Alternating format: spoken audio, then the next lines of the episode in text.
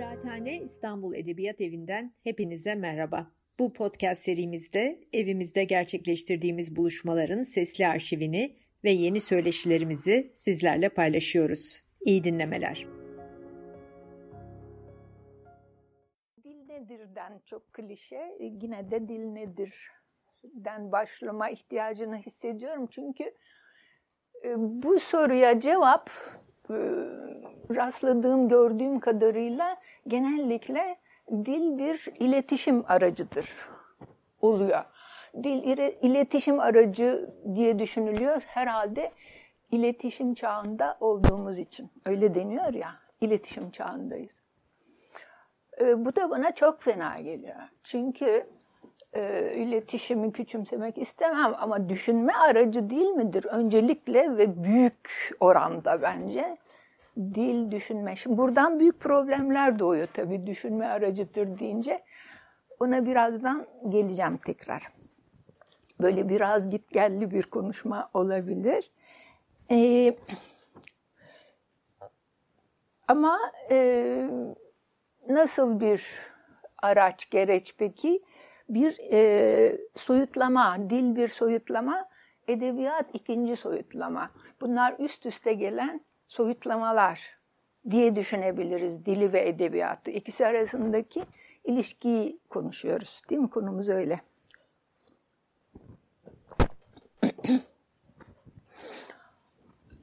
Çok uzun tartışmalar var. Tabii dilin bu soyutlama oluşu olma, daha doğrusu soyutlama lafına da az rastlayabilirsiniz. Ee, şuna daha çok rastlamış ol, olacağınızı sanıyorum. Ee, e, dil nesnelerde ve olaylarda zaten var olan bir şey midir? İlk insanlar öyle düşünüyormuş daha çok. Ee, hani şu kendiliğinden çiçektir de biz onun adını bir şekilde e, ilhamla biliyor muyuz? Yoksa e, bizim zihnimizin yarattığı bir şey midir dil diye çok uzun tartışmışlar. Tabii ki eski Yunan e, medeniyetinden sonra. E, soyutlama derken e, şunu kastediyorum. E, genellikle de öyle düşünülüyor dil konusunda kastettiğimiz nesne veya olay veya fikir hani her şeyin bir adı var ya onlar aslında e, başka bir isimle de anılabilir. Değil mi? Bir mikrofon başka birisi gerçi mikrofon ortak dünya ortak sözlüğüne dahil. Herkes galiba dünyada buna mikrofon diyor. Taş diyelim bir taş e, her dilde başka bir kelimeyle anılıyor. E, demek ki soyut, soyulmuş, nesneden ve varlıktan soyulmuş bir şey dil. Bir ses, esası ses dilin e, gitgide yazıya dönüşmüş. Dilin esası yeni tezler ve benim çok katıldığım bir tez dil yazıdır diyor artık. Ama insanlığın çok uzun bir zamanında dil e, ses aslında ilk oluşumunun da seslerle yola çıktığı fikri var. Şimdi dil, dil e, soyutlama, edebiyat ikinci soyutlama. E, e, şunun için edebiyatı hatırlayalım. E, önce dil, gündelik hayatta bir e, dil değil mi var? Bir anlayışımız ve e, ortak olarak e, aynı şeyleri anladığımız sesler ve yazılar var. En çok verilen örnekte ben kelimesi. Ben sesini duyduğumuzda ya da yazısını gördüğümüzde hepimiz anlıyoruz ki o, o ses nereden çıktıysa o kişi söylüyor bunu. O kişiyi anlıyoruz. Ya da o, o e, özne konumundaki kimse, her kimse o kişiyi anlıyoruz. Diyelim Jameson'un kitabıysa, Jameson söze ben diye başlıyorsa Jameson diye anlıyoruz. Gündelik dilde birebir sayılabilecek bir, daha doğrusu birinci kademe soyutlama söz konusu.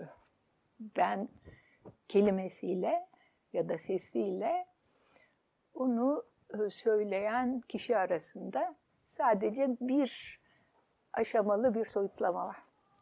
Ama edebiyatta bu ikiye çıkıyor. İki aşamalı soyutlama. Neden? Çünkü bu bir roman olsa ve biz burada bir ben görsek, o benden e, yazarı anlamayız değil mi? Romanın kahramanını anlarız. Buyurun size ikinci soyutlama. Yani ben kelimesi ikinci kez e, bildiğimiz eski varlığından soyutlanıp, soyulup yeni bir kıyafete girmiş oluyor. E, girdiği yeni kıyafet e, bizim sanat dediğimiz, işte edebiyat, şiir her ne diyorsak dediğimiz tür. Bu ikisi bu kadar kolay ayrılmamış. Şimdi de ayrılıyor mu bilmiyorum. Çünkü bazen e, benim söyleme sayıp öyle bir polemiğim bile vardır. Bakıyorsunuz ya, o beni yazarın kendisi ya da şairin kendisi gibi okuyanlar ve ciddi bir polemiğe girenler. İşte bu şöyle bir görüş ileri sürmüştü diyor mesela birisi. Kardeşim o görüş onun değil, onun kahramanının görüşüdür. Veya işte şiirdeki kişisinin görüşüdür. Deyince dank ediyor belki ama hala o birinci aşamada okuma eğilimine rastlıyorsunuz. Hmm, şimdi dil ile edebiyat arasındaki ilişki bu açıdan e, günümüzde neredeyiz sorusuna atlayacak olursak bu açıdan e, artık e, iyice kopmuş vaziyetteyiz günümüzde yani. Edebiyatın türleri bir uçta diyelim, bütün uçlarda değil ama bir uçta iyice kopmuş vaziyette. Çünkü şu örnek geldi hemen aklıma şeyi söylerken e, o ben kimdir ilk aşamada kalıyor hikayesini. İlk aşamada kalan bir örnek geldi aklıma. E, vaktiyle bir yazımda e, anmıştım. Şöyle bir şey gelmişti başımıza. Sonbahar dergisini çıkarıyorduk, şiir dergisi 90'lı yıllarda. O derginin bir sayısı matbaaya gitti. Ve bir sayfası boş olarak basılmış geldi. Baktık yeni çıkmış çok da zevklidir. Sayfalar neden boş kalmış? Üstünde Tarık Günersel. Sayfada sadece başlık var Tarık Günersel. Tanırsınız muhtemelen. Şair, oyun yazarı, e, Bir Gün Gazetesi'nin de işte köşe yazarı. Benim şahsen çok önemsediğim bir e, yazardır. Onun, onun deneysel bir şiiri vardı o sayfasında şeyin. Derginin o sayısının deneysel bir şiir. O kadar deneysel ki hani şiiri tarif et deseniz söz sanatıdır deriz değil mi? Ama o şiirde hiç söz yok. Tamamen sayılardan oluşmuş bir şiir yapmış yapmıştı diyorum, yazmıştı demek zor. E, Tarık ve matbaadaki işçi dergiyi basarken bakmış e, burada bir yanlışlık var. Bunlar bir çizelge koymuşlar buraya. Şimdi rezil etmeyeyim zavallı dergiyi demiş. En iyisi boş bırakayım ben burayı. Sadece gördüğü tek ismi şeyi, yazıyı daha doğrusu şairin ismini koymuş. Şimdi bu tabii tek örnek değil. Hani tamamen sözden soyutlanmış bir takım e, rakam, çizim bir şeylere şiir diyor insanlar, bazı insanlar. Deneysel şiir, görsel şiir, sobut şiir, aklınıza gelebilecek çeşitli başlıklar var ve bu, bu iş bu, bu şekle bürüneli 100 sene filan oldu. Aslında çok yeni bir şey değil biliyorsunuz. Edebiyatlı dil, yani sözel dilin dışına çıkma hamlesi yaptı bir uçtan. Ve günümüzde şey diyemiyoruz. Bence artık belki hala okullarda e, şiir, roman bunlar ve öykü tabii ki e, bunlar söz sanatlarıdır diye öğretiliyor eminim. Büyük ölçüde de doğru ama bunun yüzde yüz olmadığını, sözün dışına da çıkılabildiğini e, bilmek lazım. Yani günümüzde geldiğimiz bu şey bu. Hmm, başka bir deyişle hani eskiler şekil şartı derlerdi. hala da bazı şekil şartları var hayatımızda. Mesela bir senet yapmak için şu şu şu bilgileri girmek, form doldurmak filan. Bütün onlara şekil şartı denir hukukta. Edebiyatta da şekil şartları tabii aslında hala büyük ölçüde diyelim geçerli işte. E, hatta romanın belli bir büyüklük tanımı var değil mi? O büyüklüğe ulaşmadıysanız bu roman değil novella olmuş diyorlar size e, vesaire. Ama e, gitgide sıfır şekil şartı ne kadar geldi. Sadece edebiyatta değil. E, mesela bir e, resimde de haddim olmayarak sırf paralellik kurayım diye bir e, tablonun bir kareden ibaret olması mesela e, gibi e, şekil şartları gitgide azaldı. E, sıfıra yaklaş. Peki sıfır mı? Yani az önceki Tarık Günersel'in e, çizelge şiirini düşünecek olursak şekil şartı hiç kalmadı diyebilir miyiz acaba? E, ama o zaman soru şu olur. Peki e, nasıl teşhis edeceğiz? Bu şiirdir veya bu bir romandır e, diyebilmek için ne lazım? Hani durup dururken de her şeyi, her nesneyi bu edebiyattır der miyiz? Bu soruyu da bir kenara koyalım. Yolumuza devam edelim. Daha doğrusu e, ilk başlara biraz dönelim tekrar. E,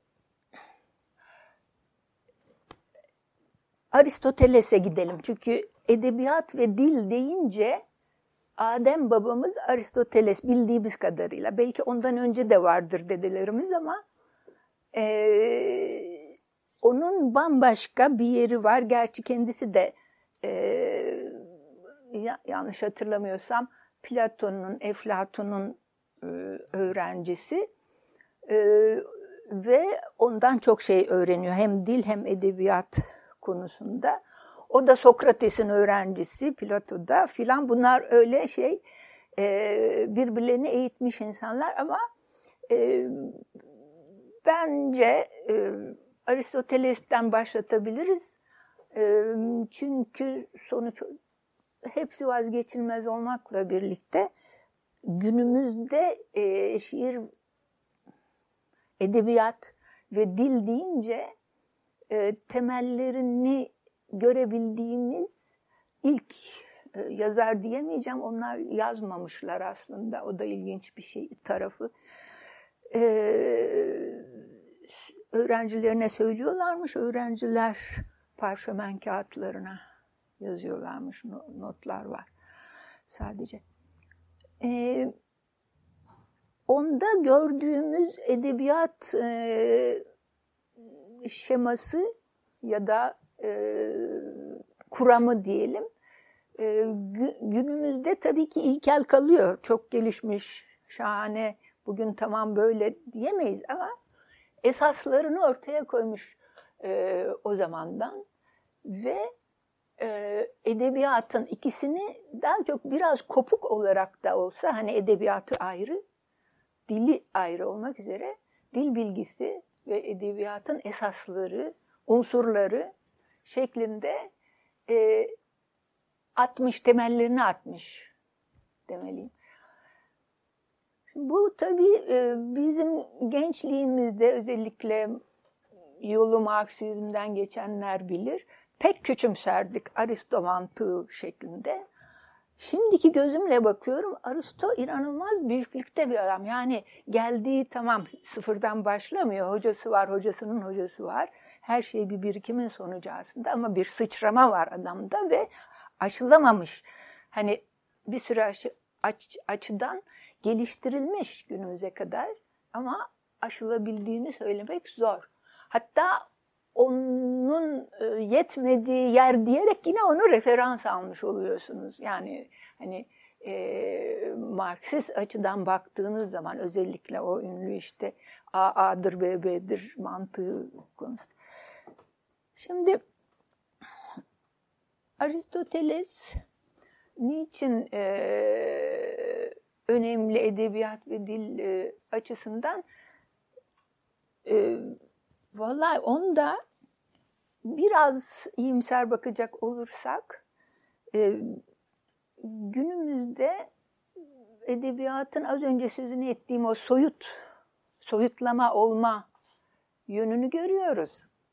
Öyle bir tespit şeyi var, e, özelliği var. E, o soyutlamanın e, vardığı bir özerk, edebiyatın özerkliği fikrini görüyoruz. Bunlar birazcık bana ait, biraz abartılı bulunabilecek şeyler. Ama özerklikten ne kastettiğimi özellikle e, belirtmem lazım. Çünkü yer yer farklı şeyler anlayabiliyoruz. E, özellikten tam da az önce söylediğim şeyi anlıyorum. Hmm, yani e, işte ben sözcüğü gündelik hayatımızda başka bir anlamda anlaşılır, edebiyatta başka bir anlamda anlaşılır. Bu edebiyatın özelliği kurduğu dünya, e, edebiyatın kurduğu dünya bildiğimiz dünyadan e, bağımsızdır diyemiyorum. Çünkü mutlak bir kopukluk yok tabii ki. Yani bir ona bakarız, bir ona bir roman okurken bir bildiğimiz dünyayı geçiririz aklımızdan. Bir orada yeni kurulan, daha doğrusu yazarın kurduğu e, ya da şairin kurduğu dünyayı geçiririz. Gidip geliriz ikisinin arasında. Bu açıdan sadece özerk demek iyi olur. Bunu kastediyorum. Ama mesela Yalçın Armağan'ın İmkansız Özerklik diye bir romanını bilenler bilir. Roman. Roman değil tabii. İnceleme, tez galiba. E, kitabını bilenler bilir. Orada e, özel, edebiyatın özelliği ve genel olarak sanatın özelliği konusunu e, devletten özellik olarak anlıyor Yalçın Armağan ve biraz bizim Cumhuriyetimizin de tarihinden hareket ederek öyle özerk mözerk olamadığını hani sanatın bugünlerde tabii daha çok kanıtlanan bir şekilde özerk olamadığını anlatıyor uzun uzun. İşte Demokrat ondan önce CHP dönemi, Demokrat Parti dönemi vesaire darbe dönemleri derken hep tepesinde bir kılıç sallanıyor e, sanatın. Ben bunu kastetmiyorum. Şimdi e, benim dediğim özellik e, ile, o tanımla Yalçın Armağan'ın kastettiği özellik, o özgürlüğe özellik diyor bence. Yani sanatın özgürlüğü. Ee, ikisi birbirine tabii son derece bağlı. Hani tamam kendine ait bir dünya kuruyorsunuz sanat e, yapıtında ama e, o yapıya müdahale ediyor işte toplum, siyaset başta olmak üzere aslında e, sadece siyasi iktidarlar değil, bütün toplum verili bütün anlayış tarzları, zihniyetleri ile sizi e, baskı altında tutuyor aslında sanat yaratımı sırasında. Aslında sanatın varoluş nedeni de bence bu. Yani gündelik hayatta bir şekilde dile getiremediğimiz e, duygu ve düşünceleri, sadece duyguları değil düşünceleri de sanatın çeşitli biçim e, türleriyle ifade etmeye çalışıyor, iletmeye çalışıyoruz, anlatmaya çalışıyoruz, kavratmaya çalışıyoruz. E, e dolayısıyla e, belirli bir etki gücünüz var. O etki gücüne karşı tabii ki toplum kendini devam ettirmek için, devlet kendini devam ettirmek, egemenliğini devam ettirmek için basınç uyguluyor. Bu anlamda iki özellik anlayışı birbirine. Şimdi e, Aristoteles'te şeyi görmüyoruz tabii. Hani hmm, o kadar ayrıntılı görmüyoruz bu özellik meselesinin adını koymuşluğu falan da yok ama bütün bakış tarzı ve açıklayış tarzı bu e, benim dediğim anlamdaki özerkliği vurguluyor adeta. Hani e, e, şimdi aslında şeyi edebiyat deyip duruyorum ama bir nokta çok önemli. Aristoteles zamanında e, edebiyat yok. Kelime de yok. Kelime pardon var bir süre sonra. Latinceden alıyorlar galiba bütün Avrupa'da. Literatür kelimesi var fakat kelime ilk önce e, genel kültür filan anlamında kullanılıyor. İlk önce dediğim ta şeye kadar, 18. E, yüzyıla kadar literatür, kültür, genel kültür anlamına geliyor. Edebiyat kelimesine ihtiyaçları yok çünkü henüz roman yok, öykü yok. Tiyatro var tabii, hatta belki şiirin başlıca e, şeyi, biçimi, şiirin aldığı başlıca biçim tiyatro. Fakat o da manzume. Yani şiirin şekil şartı manzume. Bugün olmayan bir şey. Hani çocukken bize öğretilirdi, size de muhtemelen hala öyle öğretiliyordur. Şiir nedir? Ee, uyaklı ve ölçülü, ölçülü ve uyaklı yazılan metindir. Ee, o tabi Yunan e, kültüründe e, aynen var. Ve ona biz manzume diyoruz günümüzde. Manzumelerin hepsini de şiir pek saymıyoruz. Hani e, marş olabiliyorlar. Hatta böyle şiire aykırı bir ruh taşıyabiliyorlar falan. Ama e, Aristoteles zamanında o, o, o İsa'dan önceki 3. 4. yüzyıllarda her şey şiir. Şiir diyorlar zaten. Günümüzde bir poetika kelimesi var çok kullandığımız ve duyduğumuz. Biz poetika kelimesini hala kullanıyoruz. Türkçe'de de kullanıyoruz. Edebiyat politikası anlamında bir şairin poetikası veyahut bir e, romancının poe, poetikası diyoruz. Onun edebiyat alanındaki anlayışı veya işte e, başvurduğu politika anlamında, şey anlamındaki politika, teknik veya ilkeler anlamında. Poetika işte o Yunan Aristoteles zamanından kalma adamın kitabının adı Poetika zaten yani. Poetika kitabı böyle al, alfabe gibi her edebiyat ilgisinin, ilgilisinin ve öğrencisinin tabii zaten bildiğinden eminim ama amatör edebiyatçıların bizim gibi e, başucu kitabı olmak zorunda. E, evet, Manzume o zamanlar çok uzun bir zaman. E, roman biliyorsunuz kapitalizmle birlikte bireyin ağırlık kazanmasıyla birlikte doğuyor filan. O zaman dil de değişiyor. Dil dedim. Şimdi bir problem hemen çıktı karşımıza. Dili değişiyor dediğim buradaki kasıt bu tür kullanımlarında dil kelimesinin kasıt aslında söylem. Söylem kavramı çok aydınlatıcı bir kavram çünkü çok kafamızı karıştırıyor. Genel olarak e, söylüyorum. Genel olarak insanların kafası dil e, pardon söylem yerine dil dendiğinde çok karışıyor. İşte barış dili diye öttürüyoruz. Barış istiyoruz. Barış dili lazım bunun için filan barış dili nasıl bir şey şimdi? Ayrı Türkçeden başka bir dil mi hani gökten düşecek? Öyle bir şey değil. Barış söylemini istiyoruz aslında. Barışçı söylem. Düşman yaratmayan, nefret e, suçu işlemeyen bir dili kastediyoruz. Edebiyatta da aslında söz konusu olan bir söylem, edebi söylem diye bir kavram var. Ee, buna tabii ki Aristoteles söylem diyemezdi çünkü o zaman söylem kavramı yoktu. Söylem kavramını çok sonra e, kime borçluyduk hatırlayayım bakalım. E, galiba Foucault'a borçluyuz. Bu da işte 20. yüzyılda yaşamış bir felsefeci e, demek. Hani dil felsefecisi vesaire. Edebi söylem e, e, o zamanlar aslında Aristoteles çok Aristo dedim ama şu, şu açıdan da önemli.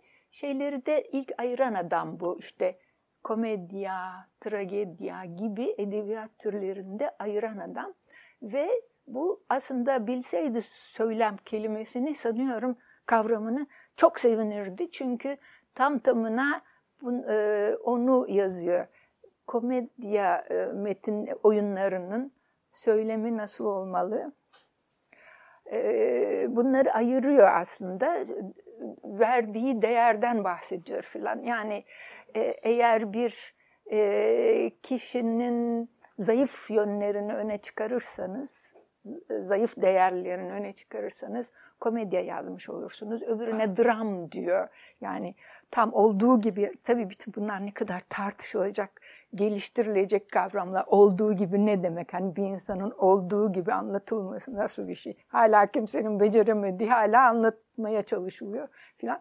Ama yine de bir şey anlıyoruz değil mi? O kadar da boş bir laf değil bir insanı olduğu gibi anlatmak lafı. Gerçekçi edebiyat denen şeyin iddiası filan. Ee, şimdi ilginç bir şekilde e, bu dil e, kuramcılığı e,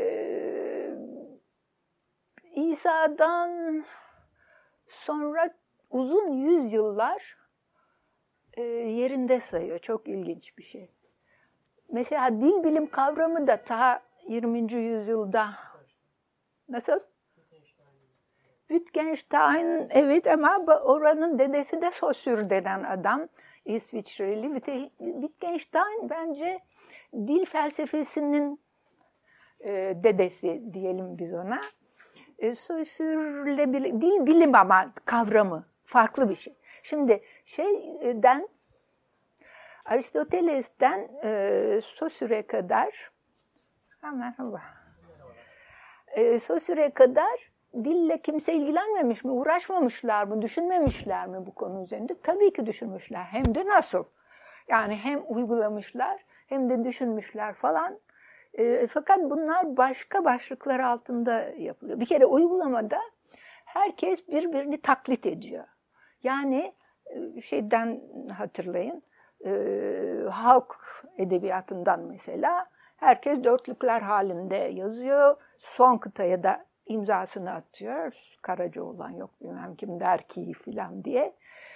E, divansa biliyorsunuz aruzun çeşitli şekil şartları var onlar ya. Filan her ülkenin edebiyatında aşağı yukarı böyle. Peki neden o kadar zaman e, e, dil bilim doğmamış? E, bunu büyük ölçüde e, Hristiyan kilisenin baskılarına bağlıyorlar. Tabi Avrupa için konuşuyoruz. Bütün bu anlattıklarımız büyük ölçüde ne yazık ki Avrupa merkezli böyle bir gerçek var. Ama mesela bizim toplumumuz içinde büyük ölçüde bazı yönleri geçerli.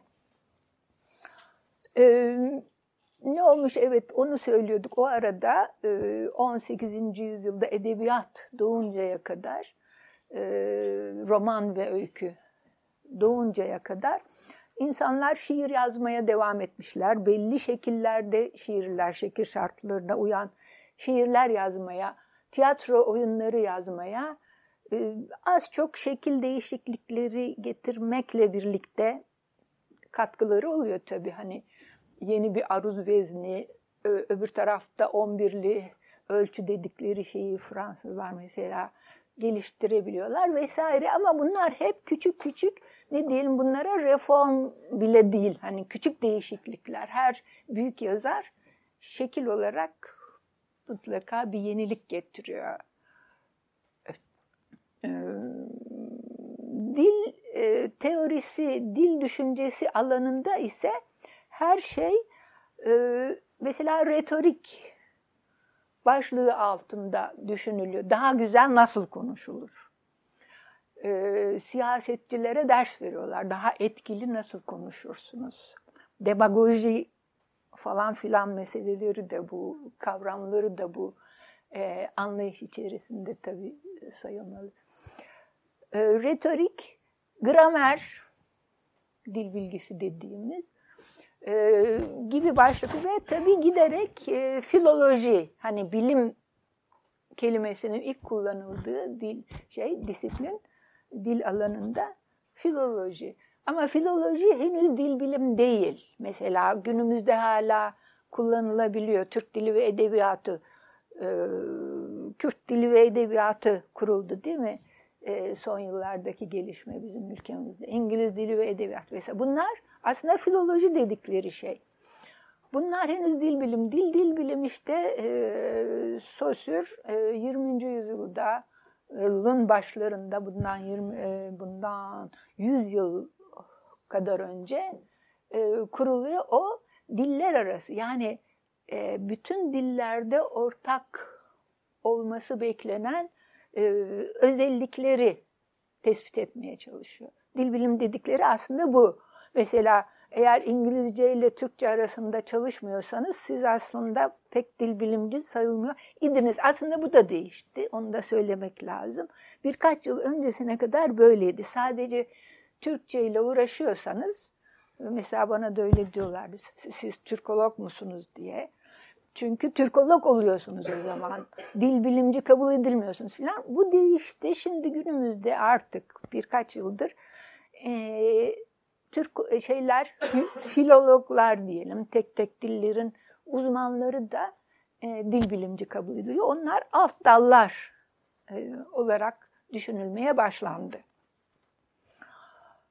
E, bunların edebiyatla ilişkisine gelince e, tamamen şey arasında dil bilime kadar, o Aristoteles'ten dil bilime kadar e, edebiyatla dil arasındaki ilişki çok büyük ölçüde kuralcı bir ilişki. Yani iyi bir şiirde dil nasıl olmalıdır? Bizde de çok vardır ya hani şiirde bu kelime kullanılır mı yahu şeklinde itirazlar görülür. Veyahut e, iyi bir romancı sanki Türkçe hatası yapmamak zorundadır gibi tamamen böyle bir kuralcı e, anlayışla gelmiş. Bu gözle bakılmış. Bunun e, ustalığı, öğret, teknikleri öğretilmeye çalışmış, çalışılmış.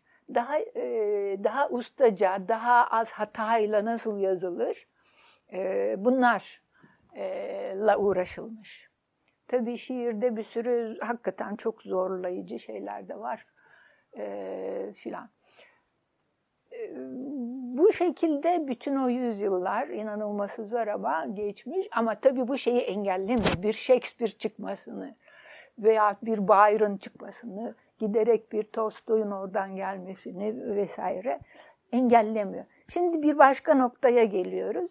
20. yüzyıla 20. yüzyıla gelirken olan bir başka nokta 20. yüzyıla kadar söylemsellik, gidimlilik felsefecilerin ve mantıkçıların gidimlilik dedikleri bir kavram var.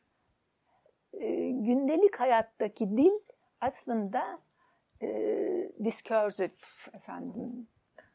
Gündelik hayattaki dil mantıklı olması beklenen bir dildir. Değil mi? Bir cümlemizin ardından gelecek olan cümle bir e, zincirleme yapı içinde olması beklenir. Hele bilimde bu tabii şey. Ve mesela bilimde tıp, ne bileyim ben fizik filan gibi hayati bir önem kazanıyor. Mantıklı olması, anlaşılır olması, isabetli olması gibi özelliklerdi. Şimdi e, gidimli mi diyelim, e, söylemsel diyelim biz ona daha yeni olsun. Söylemsel olmama hakkı üç çeşit insana tanınıyor şu dünyada. Birisi çocuklar yani çocuklardan mantıklı olmalarını beklemiyoruz değil mi? Saçmalayabilirler onlar. Ee, biz öğretmeye çalışıyoruz ama saçmalıyorlar. Ee, ikincisi e, akıl hastaları. Onlara hatta teşhis koyuyoruz. Neden? Çünkü saçmalıyorlar. Yani fena halde. Hepimiz saçmalıyoruz ama biraz sonra toparlayabiliyoruz. Toparlayamayan insanlara işte Foucault'un yine hapishanenin doğuşunda anlattığı gibi çeşitli hiyerarşiler ve kötülükler için e, deliliğin tarihi teşekkürler. Hapishane mi dedim ben? Hmm bu şey dil sürçmesi. Dervişin fikriyle zikri arasındaki bağlantı. Ee, teşekkürler. Deliliğin e, tarihinde anlattığı üzere çeşitli şeyler içerisinde e, her neyse akıl hastalarının da öyle bir hakkı var. E, üçüncüsü de sanatçılar. Sanatçıların da e, söylemsel olmama hakları var. Şimdi aslında bu hak kelimesinin söylemesi ayıp ben ekliyorum. Çünkü genellikle şey denir. E, sanat söylemsel değildir denir. Sanat söylemsel değildir sözü bence kısmen doğru, kısmen hatalı bir söz. E, kısmen doğru çünkü az önce söylediğim gibi gündelik hayattaki e, dilin e, söylemsel mantığından ayrılır. Bir soyutlama aşamasına daha geçilir. Bu anlamda tam da söylemsel sayılmaz. Hani gündelik hayattaki söylemle aynı söylem değildir sanattaki söylem. Buna karşılık eksik bir söz çünkü e, saçmalama hakkı var sanatın. Peki her sana her e, şair veya romancı saçmalasın, abuk subuk her şeyi yazsın, söylesin. Bunu biz sanat kabul etmek zorunda mıyız? Şimdi burada ta baştan bir şey söylemiştim, oraya dönüyoruz. Bir noktaya geldik. Baştan demiştim ki peki işte mesela şiirde kafiye şartı yok. E, hece ölçüsü şartı, arız şartı, şekil şartları yok oldu artık. Hatta söz koymadan da bu şiirdir diye çıkan deneyseller var, somut şiirciler falan. O zaman nereden anlayacağız? Yani nasıl ayırt edeceğiz sanat olanla olmayanı birbirinden? Ee, hatta şimdi bir şey daha eklendi. Hani şekil şartı yok günümüzde. Ee, söylemsel olma, mantıklı olma şartı bile yok. Saçma sapan şeyler koyabiliyorlar önümüze. Hepimiz rastlıyoruzdur. Sade şiirde değil, e, tiyatro oyununda saçma tiyatrosu diye bir tiyatro türü var. Efendim e, roman diye oku oku bir şey anlamıyorsunuz mesela. Öykü diye, deneysel metin falan filan hatta okumuyorsunuz sonuç olarak bazılarını. Peki e, bu ne şimdi? E, ille de kötü mü? İlle de hayır. Kötü de olabilir, iyi de olabilir. Bu hakkını kullanmış sanatçı. Yani saçmalama hakkını. Peki bunu e, yerine nasıl oturtacağız biz? E, bu roman mı veya sanat mı yoksa değil mi? Valla orada öteki insanlara iş düşüyor. Başta eleştirmenler, okurlar olmak üzere. Onlar okuyacaklar. Buradan acaba bir şey anlayabilir miyim diye biraz tabii şey e, meslektenseniz eleştiri yapmaya çalışıyorsanız veya edebiyat uzmanıysanız eli mahkum okuyacaksınız, ilgileneceksiniz. Acaba şey. Şimdi orada tabii etki meselesi gitgide ağırlık kazanıyor. E, o yapıt sizde nasıl bir etki? Kendinizi maruz bırakıyorsunuz. Okudu, okuduğunuz şey tamam aklıma hitap etmiyor. Mantığı bir kenara bıraktık ama duyguma, izlenimlerime e, ne yapıyor bu? Yani bende bir izlenim bırakıyor mu? duygularımı etkiliyor mu? Hani öfkelenebilirsiniz de filan. Şimdi aslında ben bir tek cümle daha söyleyip kapatayım diye düşünüyorum. Bu, bu, bu da tabii yani e, saçmalamanın güzel olduğu durumlar tabii ki var. Üstelik ne diyelim biz ona e, yanlış bilinç dedikleri şeyin bir kısmı da bu saçmalama zaten. Hani neyin saçma olduğuna karar vermek meselesi de onun işine giriyor. Şimdi ben lafı çok uzattım. Sorulara geçelim. Bir cümle daha söyleyeyim diye. Daha doğrusu bir paragraf daha söyleyip e, benim konuşmamı bitirmiş olayım. E, o da şu. E, bu e, bağlam meselesini söylemeden bitirmiş olmak istemedim. O da şu, e, söylemsel olmak. E, aslında o kadar uzun ki anlatacaklarım, nasıl özetleyeceğim? Şöyle diyelim, e, hakkı vardır, verilmiştir sanatçının, edebiyatçının saçmalama hakkı. Ama onu bize kabul ettir. Yani saçmalayarak yaptığı, yazdığı bir yapıtı bize yani okurlarına e, kabul ettirmek zorundadır. Aksi halde saçma diye çöpe atma hakkı da biz okurların vardır. Bunu da söylemiş olalım. Ee, peki söylemsel bir, mantıklı bir dille edebiyat yapılamaz mı? Şiir yazılamaz mı? Tabii ki yazılır, yapılır. İlle de saçmalamak zorunda da değil yani edebiyatçılar. Ee, yazılır, yapılır e, ve çoğu zaman onlara işte gerçekçi bir dil kullanıyor falan deriz. E, hala günümüzde o şekilde edebiyat yapmak da mümkündür ve bazıları için, bazı okurlar için aslında tek edebiyat öyle yapılır. Yani gidimli, mantıklı bilir. Ama o mantığı da şeyi unutmamak lazım. Yani o mantık gündelik hayattaki mantık değil. Bir aşama soyutlanmış bir mantık. O ben meselesindeki gibi Orada başka bir dünya dönüyordur. Bizimkine benzeyen yani bu gündelik bildiğimiz dünyaya mutlaka az çok, az ya da çok ama benzeyen e, ve kendi içinde diyelim biz ona. Yapıtın kendi içinde yani bir bütünlük içerisinde bir mantığı olan anlatım ifadedir orada beklenen. Şimdi böyle bakınca son bir şey olarak hani şiirden çok örnek verdim. Çok yeni bir roman olarak ve adı son zamanda en çok anılan romancılardan biri olarak Ayhan Geçgin'in uzun yürüyüşünü anıp bitirmek isterim. Şimdi uzun yürüyüş saçma değil. Yani saçma kategorisine sokamayız. Oradaki her şey mantıklı. Anlatım mantıklı. Ee, adı adıyla kendisi de az çok bağdaşıyor falan filan. Ama bu romanda hiçbir şey yok. Öyle eleştiriler okudum ki bunu niye yazmış diye soruyor eleştiriler. Ee, özellikle daha önceki üç romanında az çok sert bir takım olaylar veyahut işte hepimizin hayatına az çok benzeyen olaylar varken bunda öyle bir hani dişe dokunur bir, bir şey de olmuyor. Ee, büyük eleştirmenlerimiz bahsetmediler de bu konudan filan diye. Bence bu e, edebiyatın bir başka yani yazmama, yazmayarak, e, belirtmeyerek, dile getirmeyerek de bir şey anlatabileceğinin çok başarılı bir örneği. Şimdi sorular.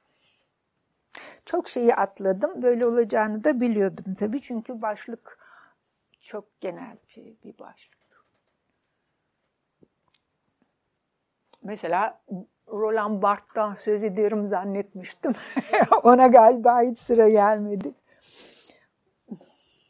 Evet. Öncelikle çok teşekkürler konuşmanız için. Ee, benim söylemsel olmama hakkıyla ilgili iki şey kafama takıldı. Bir tanesinde yani deliler saçmalayabilir derken aslında onu da söylemsel bir alandan belirlemiş olmuyor muyuz bu saçmalama ifadesini? İkincisinde de saçmalık ve pardon e, söylem ve mantığı bir arada görürken aslında söylemselliği meşrulaştırmış olmuyor muyuz? Çeşitli meşrulaştırma ürünü haline gelmiyor mu onu mantıksal olarak düşünüyorum. Çok güzel bir, bir şeyle de birleşiyor bu sorunuz. E, bir problemle de birleşiyor. E, tabii ki e, şu an insanlığın meşru saydığı şey söylemselliktir. Ama işin kötüsü şimdi burada şey de var. Mesela kadın dilinden söz etmek gerekirdi. Ben Yahya Kemal'den de söz ediyorum falan gibi bir sürü şeye onları bir kenara bırakalım ama kadın diline dair en azından bir şeyi söylemem lazım şimdi. E, özellikle kadın şair ve yazarların e, hatta dişil dil diyerek bazen kadın dili diyerek işte ek, kadın yazısı e, terimiyle de anlatılan e, yepyeni bir ufuk açtı, açtılar aslında e, Virginia Woolf'tan beri değil mi? Açılıyor o ufuk önümüze ve şimdi o az çok kuramsallaştı. Kuram alanında da teorisi de yapılarak hayatımıza e, gitgide daha çok giriyor. Bu söylediğiniz şeyle bence e, birleşiyor. Şimdi e, çok önemli bir konu bu. e, söylemsel olmak kötü bir şey mi, iyi bir şey mi meselesi. E, iyi ve kötü yanları var. Çok orta yolcu bir kafam vardır benim böyle. Hemen ortayı bulmam ama. Çoğu zaman mümkün olduğu kadar şöyle bir karşı çıkayım, kavgasını edeyim falan filan. Ee, hani Batı'nın iyi şeylerini alalım, e, usullerini, dinlerini, inançlarını almayalım falan türünden bir anlayışımız vardır ya bence hiç de fena bir anlayış değil ama çoğu zaman tersini yaparız. Burada da e, kadın yazısı da dahil bu şeye yönelik e, bu şey dediğim standart dil aslında standart dil ve modern e, söylem. E, bunlar karşısında e, öfkeleniyor insan ve şey e, bir tavır almak istiyor. Hatta e, diyebiliriz ki mesela bizde ikinci yeni, batıda şeyler, e, apolinerler, çeşitli e, dadaistler, çeşitli akımlar biraz buradan çıkıyor. Yani e, duydukları e, muhalefet, böyle yıkma duygusu. Mesela yıkma duygusu Yahya Kemal'de de var. Biz bunu yıkalım diyorlar. Neyi yıkmak istiyorlar? Servet-i Fünun'u yıkmak. Şeyle sohbet ederlerken Yahya Kemal anlatıyor.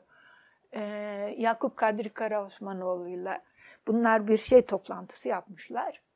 Ee, Servet-i Fünuncuların toplantısını işte biliyorsun Servet-i Fünuncular en süslü e, Osmanlıcayı kullanan ekip.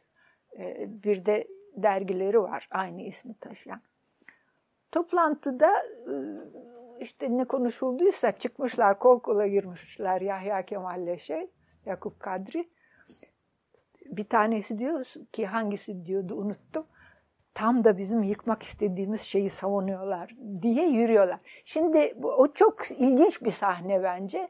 Çünkü e, sizdeki duyguyu da ben öyle algıladım biraz. Hani o modernin, standartın, dayatılanın çoğu zaman e, karşısına çıkmak istiyor insan, yıkmak veya şey.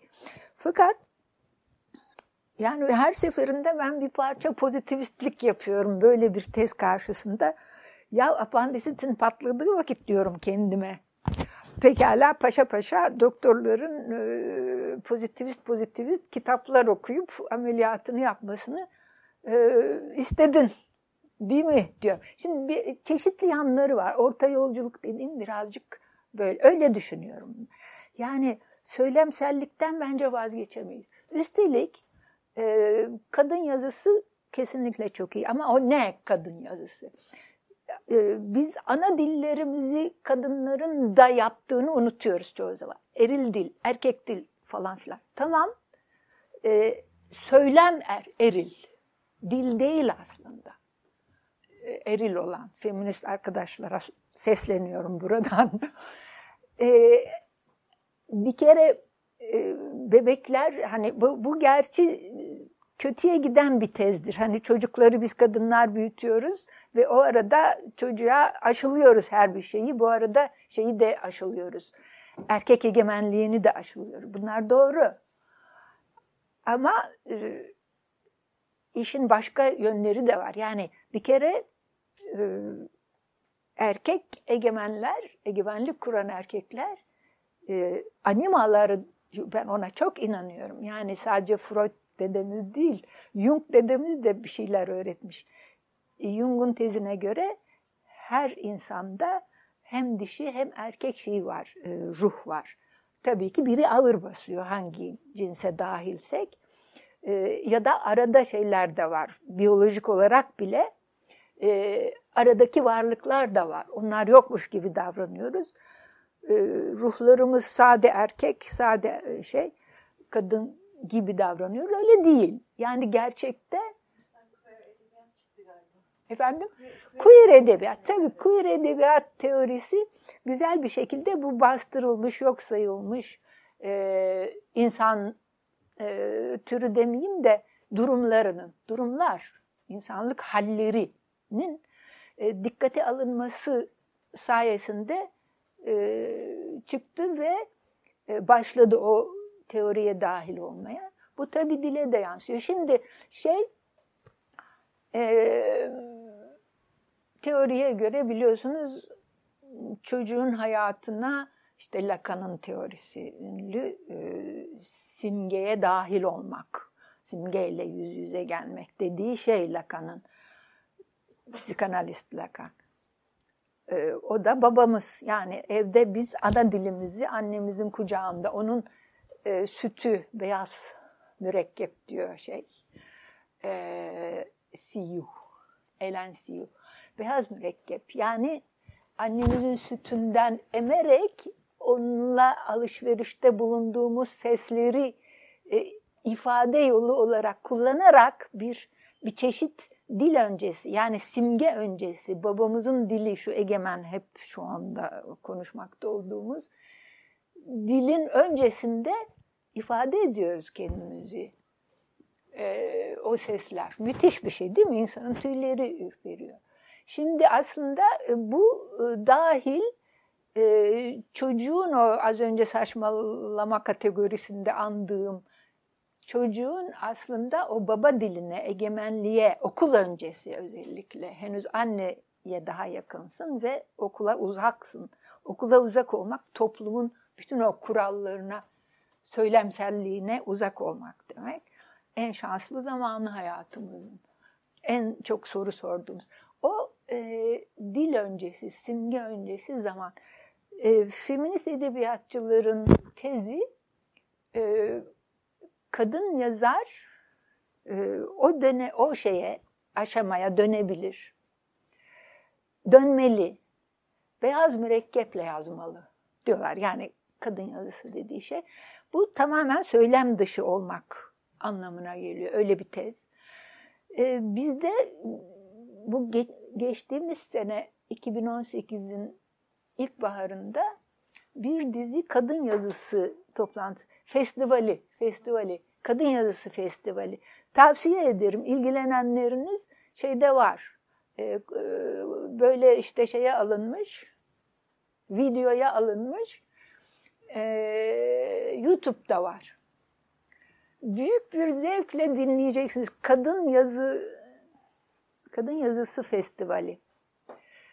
Tamamen e, şeye çalışan, çalıştıklarını söylüyorlar. Epey kadın şair ve kadın kadın romancı pek az konuşmuş galiba. Şu an birden hatırlayamadım.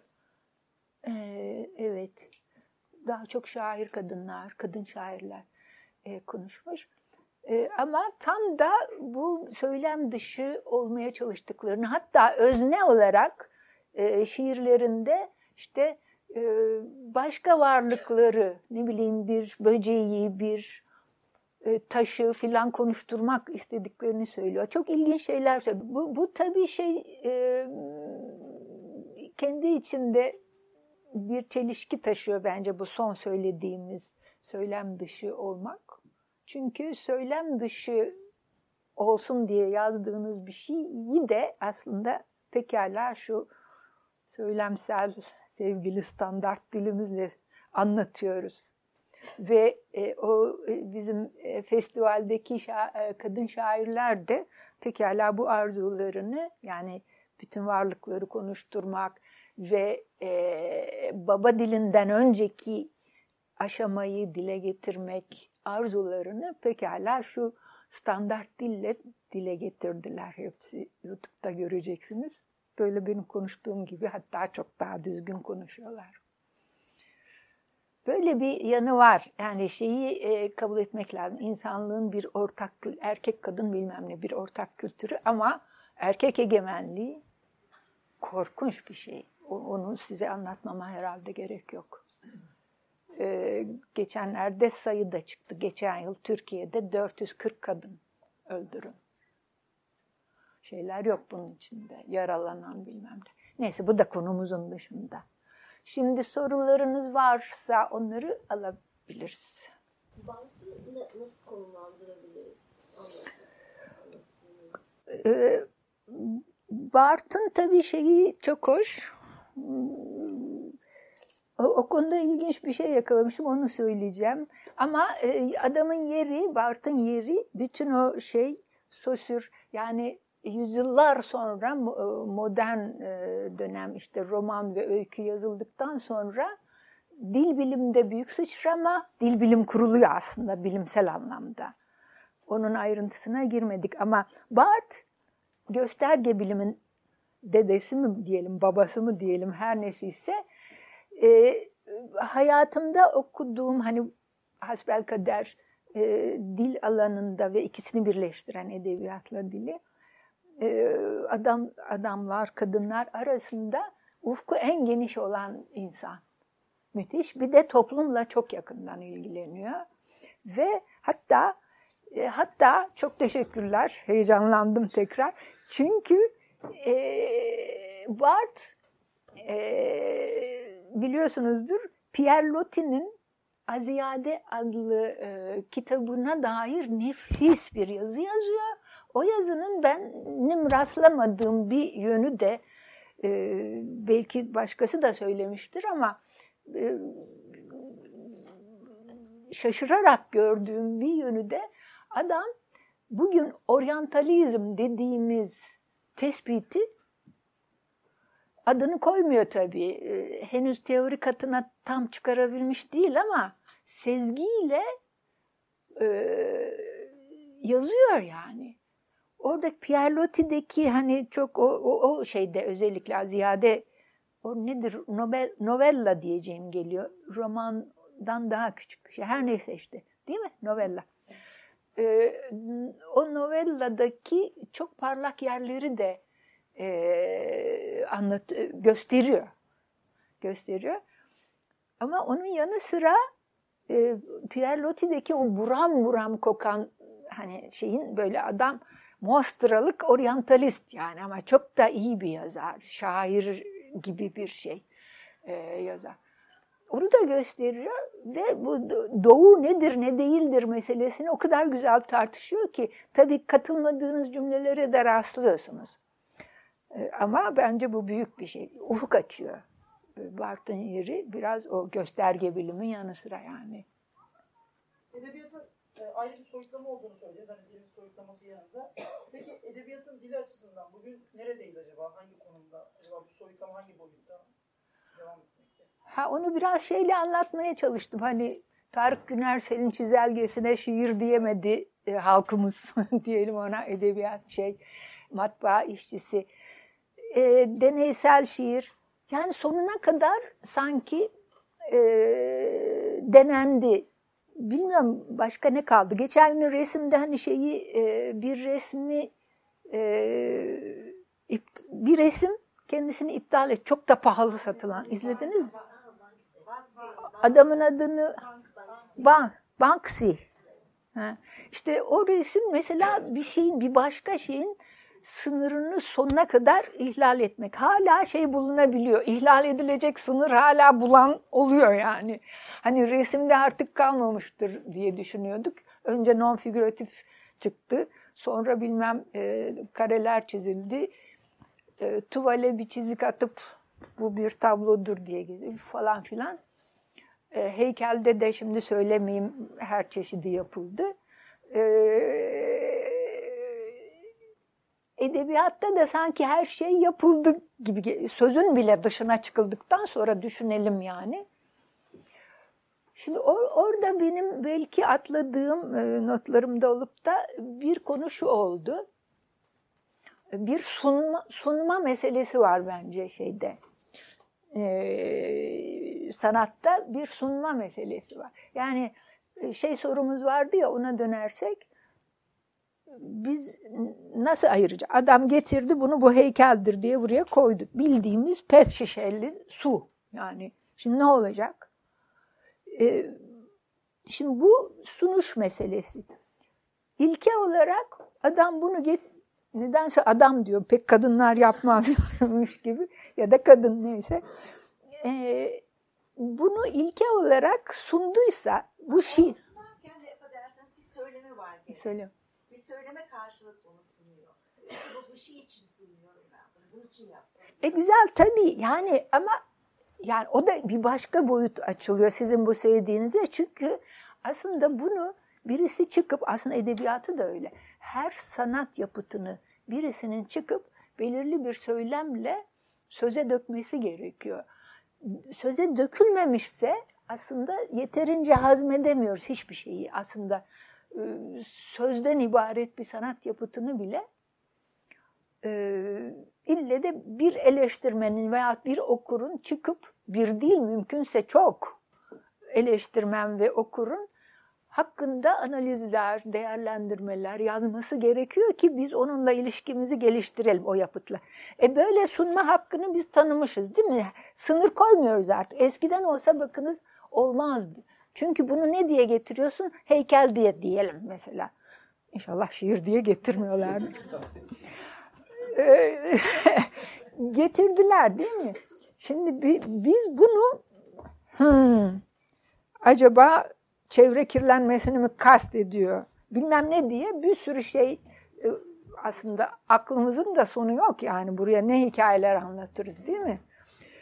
Bunları anlatmamız, sorgulamamız ve diğerlerine kabul, birkaç kişiye hiç değilse kabul ettirmemiz e, lazım. E, bu, bu şey açısından çok iyi oldu bu sorunuz. E, söze dökmeden aslında hiçbir öteki sanat dalı e, tam varlık bulamıyor, anlamını tam bulamıyor falan. Anlamla da ilgili bir şey. Çok teşekkür ederim. Teşekkür